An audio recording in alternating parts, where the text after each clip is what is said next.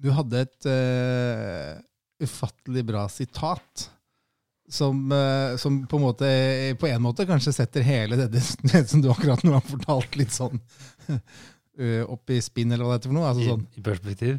Ja, eller Ja, nei, um, jeg, jeg, snakket jo med Håkon, og jeg skrev jo ned et sitat av det han sa. og han sa jo det at en, en historie trenger ikke være helt sann. Det er, det er, ikke så viktig om den er helt sann. Eh, det viktige er at historien er god. Ja.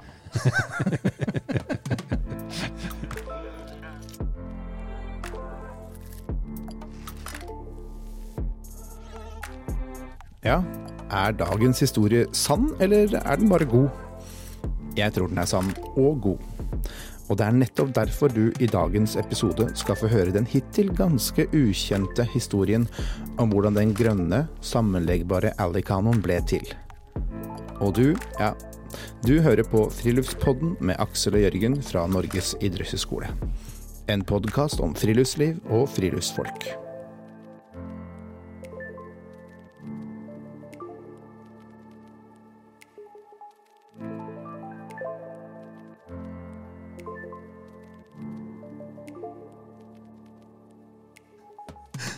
Der var boka på plass. Mange gode notater i den ja, det boka. Ikke, det var ikke så veldig mye det var skrevet der. Det er tre-fire navn eller sånt noe. Det er fem navn, ja. Fem navn. Mm. Ja, fordi Nå er vi her fordi um, du har nevnt denne historien her. Eller du har gitt meg drypp av denne historien. Mm. Uh, ja, jeg husker ikke første gang jeg hørte noe om det, men det tror jeg det var en sånn uh, i forbifarten en eller annen gang for et det er kanskje et år eller to siden. Mm. Hvor du liksom nevnte på Begynte å fiske om jeg kjente den egentlige historien til Alley-kanoen. Mm. Det gjorde jeg jo ikke. Eh, og så hadde du sånt lurt smil på at det, det var helt tydelig at det, det, visste du. Ja, og jeg tror ikke det er så mange andre som vet det heller. Altså, Alley-kano har jo blitt uh, produsert av Berghans ja. uh, i alle år. Ja. Um, men det var jo ikke Bergan som uh, kom med ideen eller lagde prototypen.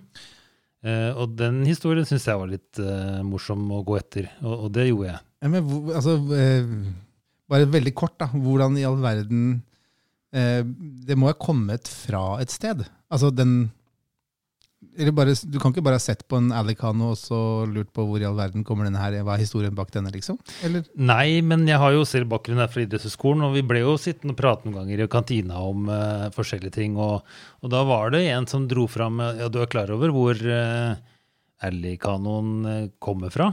Uh, hvor den ble skapt, og hva som var ideen bak? Så sa jeg nei, det vet ikke jeg. Nei, det var her, på NIH. Og så var det her? Det var her. På, okay. på idrettshøyskolen. Ja. Og så øh, fortalte da den personen jeg satt i kantina med, litt om det. Og han ble jo bl.a. veldig opptatt av dette materialet som ble brukt. Ja, på, på, den duken? På den grønne Ja, den ja. grønne kanoduken. Mm. Uh, og, og, det sa han at uh, inspirasjonen bak uh, det materialet, det fant folk som jobbet på idrettshøyskolen, mm -hmm. i dette trekket som er på høydehoppmatta tjukkasen. Ja, ja. Det er jo sånn gummiert stoff som ligner mm. på det som i dag er i, på Alley-kanoen. Ja. Uh, og blant annet uh, han som da var vaktmester på idrettshøyskolen tidlig 70-tall, ja. han ble veldig fascinert av dette materialet. For han så jo det at uh, høydehopperne hoppa med piggsko på en gummimatte, ja. gummiert matte, ja. uten at det ble merker. så tenkte han dette materialet må jo kunne bruke til noe annet. Men han, altså, han var kanopadler? Han var kanopadler. Okay. Og det var han som da var den som lagde det første utkastet til disse spantene, som da disse aluminiumsprofilene ja, som ja. er inni Elikanon. Mm. Eh, det lagde han til, bøyde rør og, og sveisa sammen, og lagde altså det første skjelettet som de da kunne tre en sånn eh, gummiduk eh, ja, rundt. Det, det, det, lagde han her på idrettshøyskolen. Hvilket årstall? Hvor er vi? Nei, og det er også det som ble litt fascinerende når jeg begynte å dykke litt dypere i historien. altså dette her sånn var jo De trengte to kanoer, for de skulle på ekspedisjon. Hvem er de? Eh, de, det var da fem personer på idrettshøyskolen okay. eh, som var ansatt delvis som eh, vaktmestere, Ja. delvis på friluftslivsmiljø, Ja. og delvis også på Forsvarets avdeling. Ja. Fem stykker som var opptatt av friluftsliv, Ja. og som hadde lyst til å dra til Alaska. Selvfølgelig. Eh, Og så var de usikre på hva fins det av kanoer eh, tilgjengelig når de kommer til Alaska. Ja. Og, og så tenkte de hvorfor ikke lage to kanoer Ja. som er mulig å pakke sammen og putte i bagasjen og fly til, Canada, nei, til Alaska. Ja. Og da brette ut igjen og så ta i bruk når man da kommer til eh, Alaska. -huh. Eh, og den ideen uh, jobba de da videre med. Dette var i 71. Ja. Eh, så det er faktisk eh, og, og, og ekspedisjonen som de klarte å gjennomføre, det var i 72. Ja. Så de dro over. De dro over Ja. og tok med seg eh, to prototyper. Ja. De hadde litt travelt. altså De hadde ikke engang rukket å teste de i Norge når de pakka dette sammen. Sånn at ikke engang på Sognsvann, som altså ligger vegg i vegg med Idrettshøgskolen, så når de kom fram til Canada, så hadde de aldri testa konseptet. Nei, det var et rent teoretisk konsept som da skulle utprøves. Ja. Så mm, ja. Og, og det som eh, Altså det som også er litt artig, er at eh, en av de som da var eh, arkitektene bak denne båten, eh, Håkon Løvmo, han eh, snakket jeg senest med i dag. Ja. Eh, han eh, er nå 90 år og eh, s- har jo masse gode historier å fortelle om dette prosjektet da, som de eh, snekret sammen. Dette er han gamle Håkon? Dette er gamle Håkon. Dette er gamle Håkon. Det som også er litt morsomt, det er jo at eh, jeg besøkte Håkon Løvmo på Han har en støl oppe i Heidal. Ja. Um, øverst i Gudbrandsdalen og litt vestover. Så hvor eh, han da har den ene av disse to bøke, båtene i dag, Mhm. Som ligger der bak eh, et stabbur. Eh, og den er da intakt. Ja. Eh, Og kan brukes den dag i dag, 50 år gammel. Så, og altså i 2022 så er det altså akkurat 50 år mm. siden eh, den første eller de to første Ellie-kanoene ble unnfanget og satt på vannet i, i Alaska. Men, men nå er det jo Bergans, vi står ikke i fare, du og jeg, for noe. Vi har ikke noen sånn rettslig avdeling her på idrettshøyskolen, hvert fall som jeg vet om. det er mulig vi har det. Men, eh, men vi står ikke i fare for liksom, å få Bergans på nakken nå, hvis vi slipper denne episoden her? Jeg vet ikke. Nei, Har du tenkt på det, eller? Jeg, jeg tror, altså Det Håkon sa, var jo at de eh, tok jo aldri patent Nei. på denne kanoen. Eh, det var de litt eh, lei seg for i etterkant. Men jeg tror nok at uh, en av disse fem som da var med på ekspedisjonen, var en nær venn av uh, den gang eier av Berghans. Oh, ja. sånn at, uh, og hvordan dette kom i stand, vet jeg ikke. Nei. Så jeg kan aldri i verden tenke meg at det ikke er gjort etter læreboka. Jussens lærebok. Sant? eh, det tror jeg ikke er noe Nei, Nei men da, da legger vi det, den dagen død. jeg tror ikke det er noe issue. Men det er klart for Ellie har jo, altså for, for Bergans har jo dette her vært en uh, stor suksess. Det har jo det. De, jeg mener at de har produsert langt over 50 000 Mhm. båter av Ellie-kano. Mhm.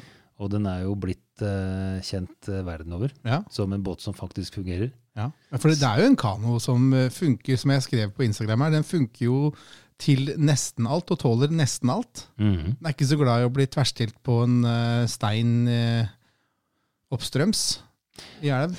Nei, den, er, den er litt myk, eh, men det som er fint, er at den her eh, gummierte eh, presenningen, er, den er jo Altså, den tåler veldig mye. Mm. Og hvis den da får en rift i seg som gjør at det blir høl, så er det bare å, å lime på en ny duk utapå. Mm. Så den er jo eh, utrolig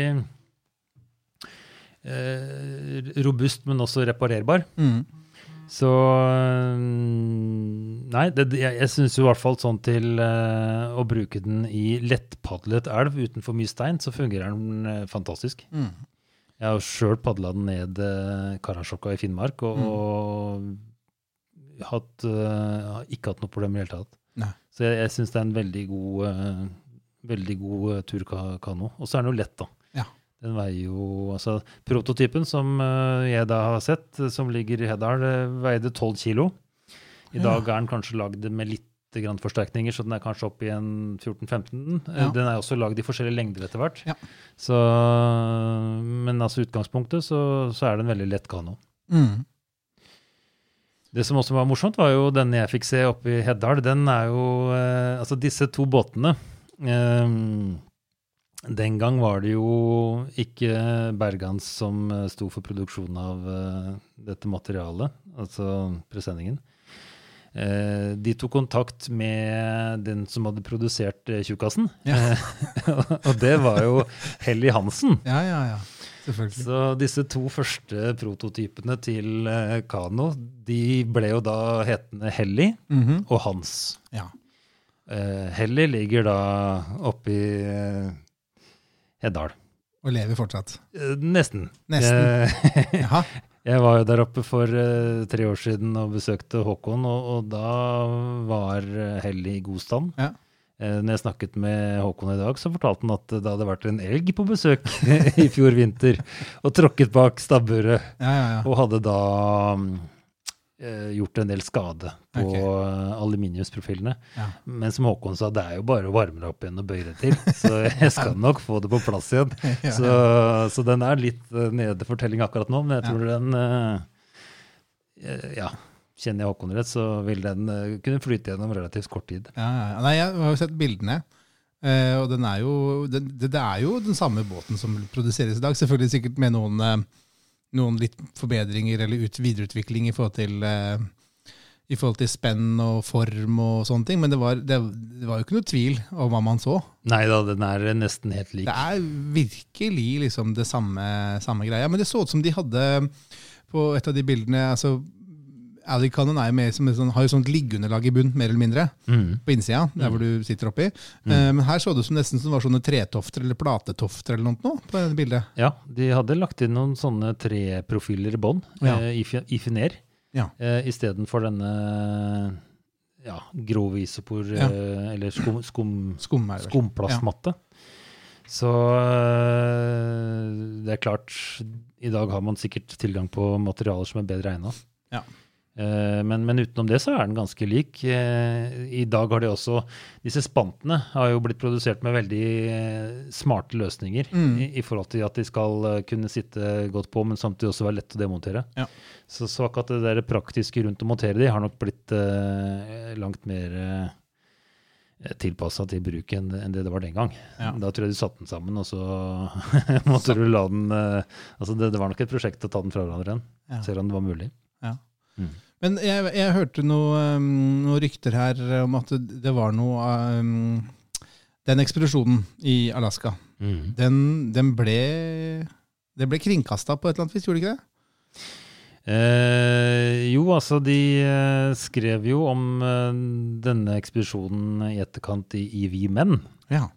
Så hvis man går inn uh, og kikker på Vi Menn 1973, juniutgaven, Ja. så vil du kunne lese en historie fra denne ekspedisjonen. Ja, ja, ja. Men ekspedisjonen i seg sjøl er jo også veldig fascinerende. Altså, eh, det amerikanske kontinent var jo mye mindre oppdaga eh, Ja. og mye mindre kjent for nordmenn enn hva det er i dag. ja.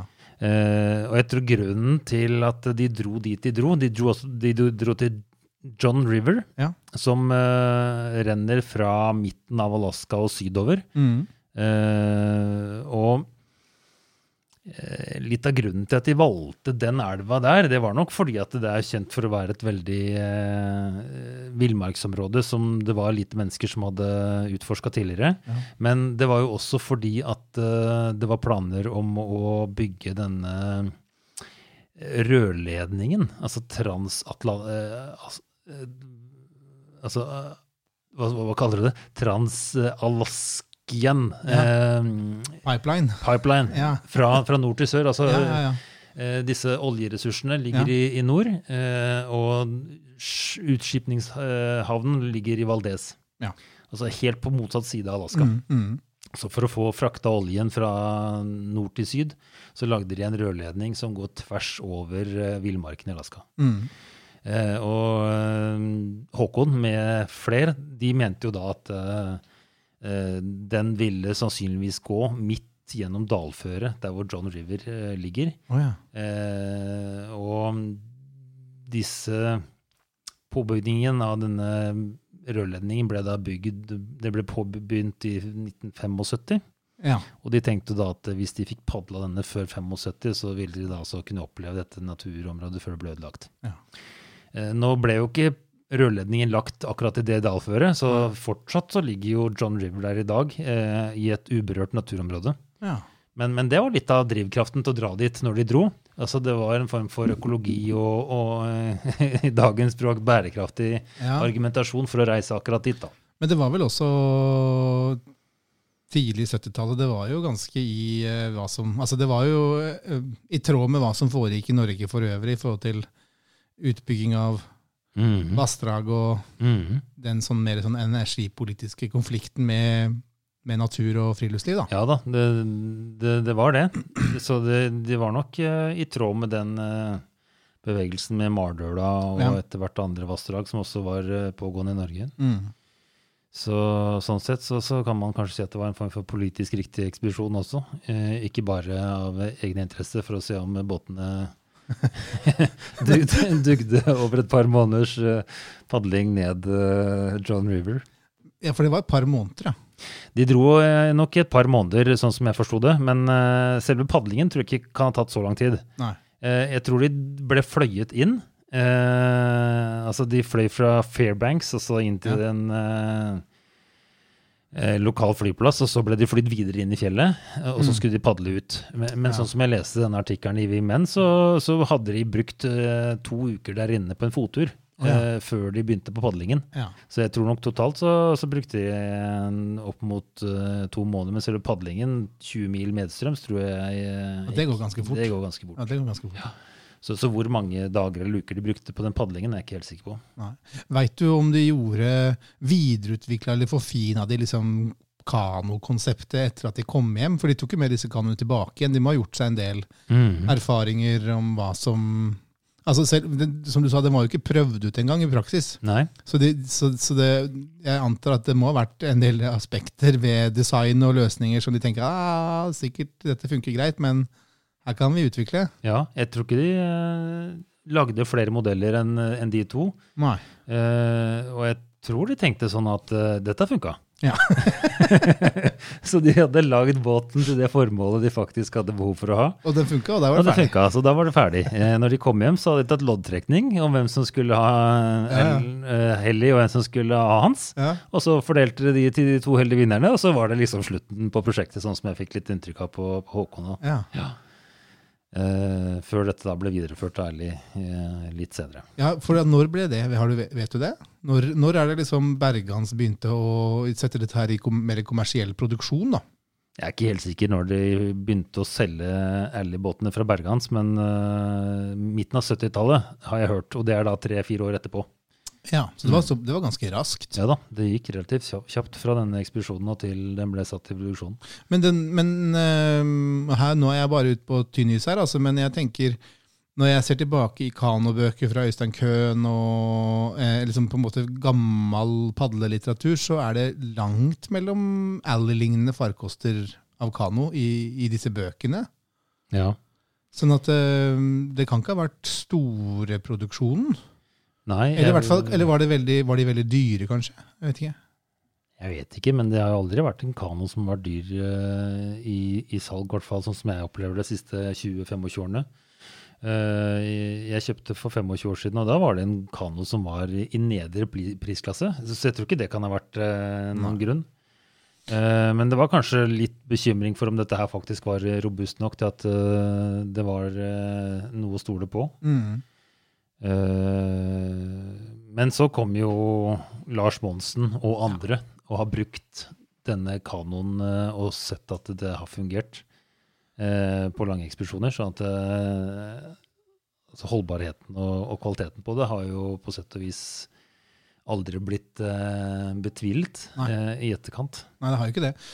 Det er jo Og igjen så kan det at jeg tar feil, men eh, mitt sånn, eller min følelse er vel at det var Lars Monsen som virkelig liksom tok Alicanon inn i den Viste fram den, da, og tok den liksom inn som allemannseie gjennom ikke at alle kjøpte den, men at alle på en måte plutselig ble veldig klar over den kanoen hans gjennom hans eh, utforskninger i hvis- Mm. Når han begynte å sende ting fra turene sine på NRK, Mm. så ble jo den Alley-kanoen veldig, veldig synlig.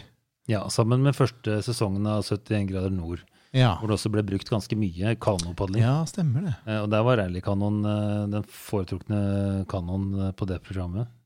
Eh, Et annet artig rykte er at det ble solgt veldig mange til Japan. Altså Dette her er jo en båt som tar lite plass eh, i forhold til ja, ja. oppbevaring. Ja. Og i Jeg vet ikke om det stemmer, men det var en som sa at i Japan har de lite plass, vet du, for det er så mye mennesker. Så der uh, egner det seg å ha en sammenleggbar kano som du kan pakke til skap og ta fram når du trenger den. Ja, ja, Så jeg tror, jeg tror det er solgt mye kano til, uh, til Japan. Ja, Mm. nettopp. Eh, De fikk jo også kommentarer av eh, urbefolkningen eh, Mhm. i Alaska, som var eh, mektig imponert. Ja. Altså for det, det, som er litt morsomt, er jo at det er jo en uh, kano fra Alaska som egentlig er utgangspunktet for formen. Ja. Uh, Det de gjorde, altså Tidligere hadde de støpt en uh, kano her på idrettshøyskolen i glassfiber, Mhm. eh, som de var veldig godt fornøyd med, som var støpt som en form for replika av en Alaska-kano. Så det de gjorde når de skulle få tilpasset dette, her, det var jo at de tok eh, gråpapir Mhm. Og pakket inn denne her eh, glassfiberkanonen i. Ja. Så tok de og klippte det til eh, papiret, sånn at de fikk da størrelsen på duken. Det, det var utgangspunktet for å, å tilpasse størrelsen på kanonen. Det er, deilig, sånn, det er sånn deilig sånn praktisk tilnærming. Det er veldig enkelt. Ja, og det er Det veldig, det er veldig kort vei Ja, fra bruk til eh, tanke til produksjon og, Ja, ja, ja. og til eh, egentlig hele prosessen her. Eh, Men disse urbefolkningen i, i eh, Alaska ble jo så imponert fordi at de hadde jo plutselig en kano som eh, de kunne bære fra vassdrag til vassdrag egentlig alene. Ja. Fordi at vekten var blitt så lav. Ja. Altså, den lignet jo på den de allerede brukte, ja. men uh, den hadde så lav vekt at de så jo et potensial i den som var helt annerledes enn det de kunne gjøre med de kanonene de brukte der borte. ja.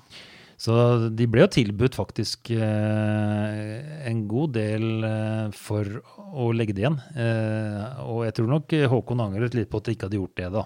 Mm. Eh, de hadde vel ønsket å ta det med hjem igjen for å bruke det i Norge videre. Men sånn i etterkant så så han vel at Mhm. kanskje hadde en av de fortjent å bli liggende igjen i Alaska. ja. Mm. Nei, jeg bare Jeg har jo møtt på ehm, Det fins jo andre som lager tilsvarende nå. Sånn at når jeg har vært i Canada og padla, så har jeg jo vært uh, borti en del ulike varianter Mm. som ikke er Bergans, da, Mm. eller, ikke er Alley-kanoen, men, Ja. men som, som er jo veldig like. Mm. Eh, mer eller mindre som snytt ut av nesa, tenker jeg, sånn Ja. designmessig. Så er det ganske likt. Altså. Så det er, jo, det, er jo, det er jo et konsept som har vist seg å være veldig levedyktig. Mm. Så Og det er jo ikke noe tvil om hvor de har henta inspirasjon til eh, disse andre modellene fra. Altså, eh, nå er jeg ikke helt sikker, men jeg tror nok at eh, Ally, eller altså disse to båtene her, var de første. mm. Som var bygd med et aluminiumsreisverk på innsiden og en sånn gummiert duk på utsida. Ja. Og så har da andre tatt etter. det er veldig spennende, da. Ja, er, og Hans. Helly og Hans. Ja. Så nei, det er en artig historie. Ja. Mm. Er antageligvis ikke så veldig mange som vi kjente til, vil jeg tro. Nei, Hvis ikke de har eh, slumpa over 73 juni-utgaven av Vi menn, da. Men der står det heller ikke. Det, oh, der, der står det jo bare om turen de gjennomførte. Oh, det står Altså, ikke noe om kanoen der, nei. Kanoutviklingen står ikke nevnt med et ord. Nei vel. Eh, Det sto at denne turen var bl.a. for å teste utstyr, men, eh, og at kanoene fungerte bra. Ja. Men eh, selve historien bak eh, hvordan tankegods, eh, altså ideen, kom i gang, og hvordan de eh, produserte dette her sånn delvis garasjen på idrettshøyskolen og delvis i samarbeid med Helly Hansen, det, det, Mm. det, det er ikke en historie som har blitt skrevet ned eh, noe sted. Så, så den er det nok ikke mange som kjenner. Nå fikk, Eh. du, nå fikk de den her, da. Nå fikk dere lytterne våre. Det fikk den nå. Ja, nå fikk de den. Og jeg, har, jeg må innrømme at eh, når du, jeg så både bilder fra ditt første møte med, med Helly, eh, når du var der oppe, og når du da snakka med gamle Håkon i dag, så tenker jeg har jo vært, vært veldig gøy å fått invitert eh, sjefen sjøl, da. Og Ja. tatt en prat med gamle Håkon. Ja, Eh, både for å høre historier fra, fra Alaska, men også eh, litt mer sånn fra de som var med på altså hva de tenkte. Liksom, det, det, er jo, det, er jo, selv om du sier det er kort vei fra De hadde jo en del enkle ting. altså Det er bare smarte løsninger da, for å få lagd denne formen og sånne ting. Men allikevel, det skal jo gjøres, da. Mm. Og ikke minst også dette med det håndverksmessige perspektivet. Altså, jeg tror nok en av de som var kanskje mest sentral i, i selve byggingen av båten, ja. eh, det var han som da var ansatt her som vaktmester, som het eh, Bjarne Lunde. Okay. Eh, han var eh, utdannet møbelsnekker. Ja. Eh, og også da veldig nednyttig. Ja. og kombinerte da dette håndverksmessige med denne friluftsinteressen. Ja. Og var den som da kunne lage et utkast til et sånt uh, aluminiumsskjelett. så, så, jeg tror nok uh, Eh, det var en forutsetning for å få det til. Mm. Samtidig som eh, Håkon Løvemo også tror jeg var en sentral støttespiller. De hadde jo prøvd å lage sin egen kano, han og broren, oh, ja. eh, der de kom fra oppe på eh, Det er Nord-Trøndelagskysten, mener jeg at eh, Håkon kommer fra. Hvor de hadde da tatt eh, kvist. kvist? ja, de hadde bøyd til noe kvist og kledd det med en sånn duk Jeg tror det var en teltduk, jeg. Oh, ja, okay.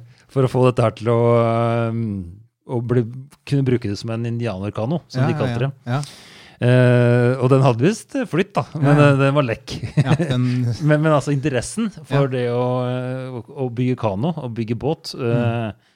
og, og, bruke det til et friluftslivsformål, den, den, tror jeg Altså jeg tror nok de fem som da var med på dette prosjektet, eh, var en heldig eh, kombinasjon av mennesker som ja, gjorde at det er sånn, sånn altså. da ble, ble utvikla som det ble. Ja. Vi kunne jo nevne hvem som var med på turen. da. Ja, det synes jeg vi skal gjøre. For det var jo da mm, Håkon Løvemo, mm -hmm. eh, som jeg har opplevd kanskje var eh, den som var eh, Kall det ekspedisjonsinitiativtaker, eh, leder. Mm -hmm. og så var det jo Bjarne Lunde som da var hans håndlanger og, og, og kanskje viktigste Eh, person når det kom til å lage de, disse, disse, båtene. Ja. Eh, og så var jo eh, da fra friluftslivsmiljøet på idrettshøyskolen så var Sigmund Haugsjå eh, involvert. Ja. Som da var eh, kanskje den som var mest opptatt av eh, miljø, mm. naturvern den gang. Ja. og fikk da en karriere senere som var innenfor den bransjen. Ja. Eh, de hadde med seg eh, Einar Lauritzen, som var ansatt på Forsvarets eh, institutt på Norges idrettshøgskole. Og var en ivrig friluftslivsfigur. Og så hadde de også med en kar som heter Ivar Mellomsæter. Ja. Så det var de fem som da gjennomførte denne ekspedisjonen i 72 sammen. Hm. Spennende. Mm. Tusen takk for at du ville dele den historien. da. Jo, jeg syns det var kjempespennende. ja. så, og så ser jeg jo det at vi er nødt til å få han der gamle Håkon på, på en kaffe her på NIH. Han uh, er jeg helt sikker på at vi kan lure ut på en kaffe. lure ut på en kaffe, ja. ja. Vi har jo Vi har jo faktisk ikke noen ærligkanoer hos oss nå, tror jeg. Kanskje vi, vi, Nei, har vi, har, vi har hatt den før, men den ja, tror jeg har gått med døden. Ja, Den tror jeg faktisk uh, ikke tålte bruken lenger. Nei, så, så men uh, vi, får, vi, får, invitere gamle Håkon hit, og så får dere for det blir en, eh, en, ny episode hvor vi får uh, live fra kilden. Jeg får gjøre det. Ja. Mm. Det jeg tenkte på, var det du Du hadde et ufattelig bra sitat som, eh, som, på, en måte, på en måte kanskje setter hele det, det som du akkurat nå har fortalt, litt sånn eh, opp i spinn, eller hva det heter for noe. Altså sånn. I, I, perspektiv? Ja, eller Ja, nei. Um, jeg, jeg, snakket jo med Håkon, og jeg skrev jo ned et sitat eh, av det han sa. Uh, og han sa jo det at en, en historie uh, trenger jo ikke være helt sann. Det, det, er ikke så viktig om den er helt sann. Uh, det viktige er at historien er god. Ja. Så, så, hvis du leser da den derre 'Vi menn' i juni 1973, ja. så kan det kanskje være greit å ha det i bakhodet? Jeg vet ikke. Men det er jo helt riktig. Ja, den ser eller, jeg på som nokså etterrettelig, faktisk. Ja, det tenker, ja, og Historien Historien tenker du på i Vi menn? Eller? Ja, historien ja. i Vi menn. Ja. Det er kanskje en del ting jeg har sagt her i dag som man kan stille større spørsmål med. Nei, det tror jeg ikke. Nei, men, uh, men, jeg tror det er en sann historie, og det er en god historie. da. Ja. Det kan vi konkludere med. Ja. ja la oss gjøre det. Mm.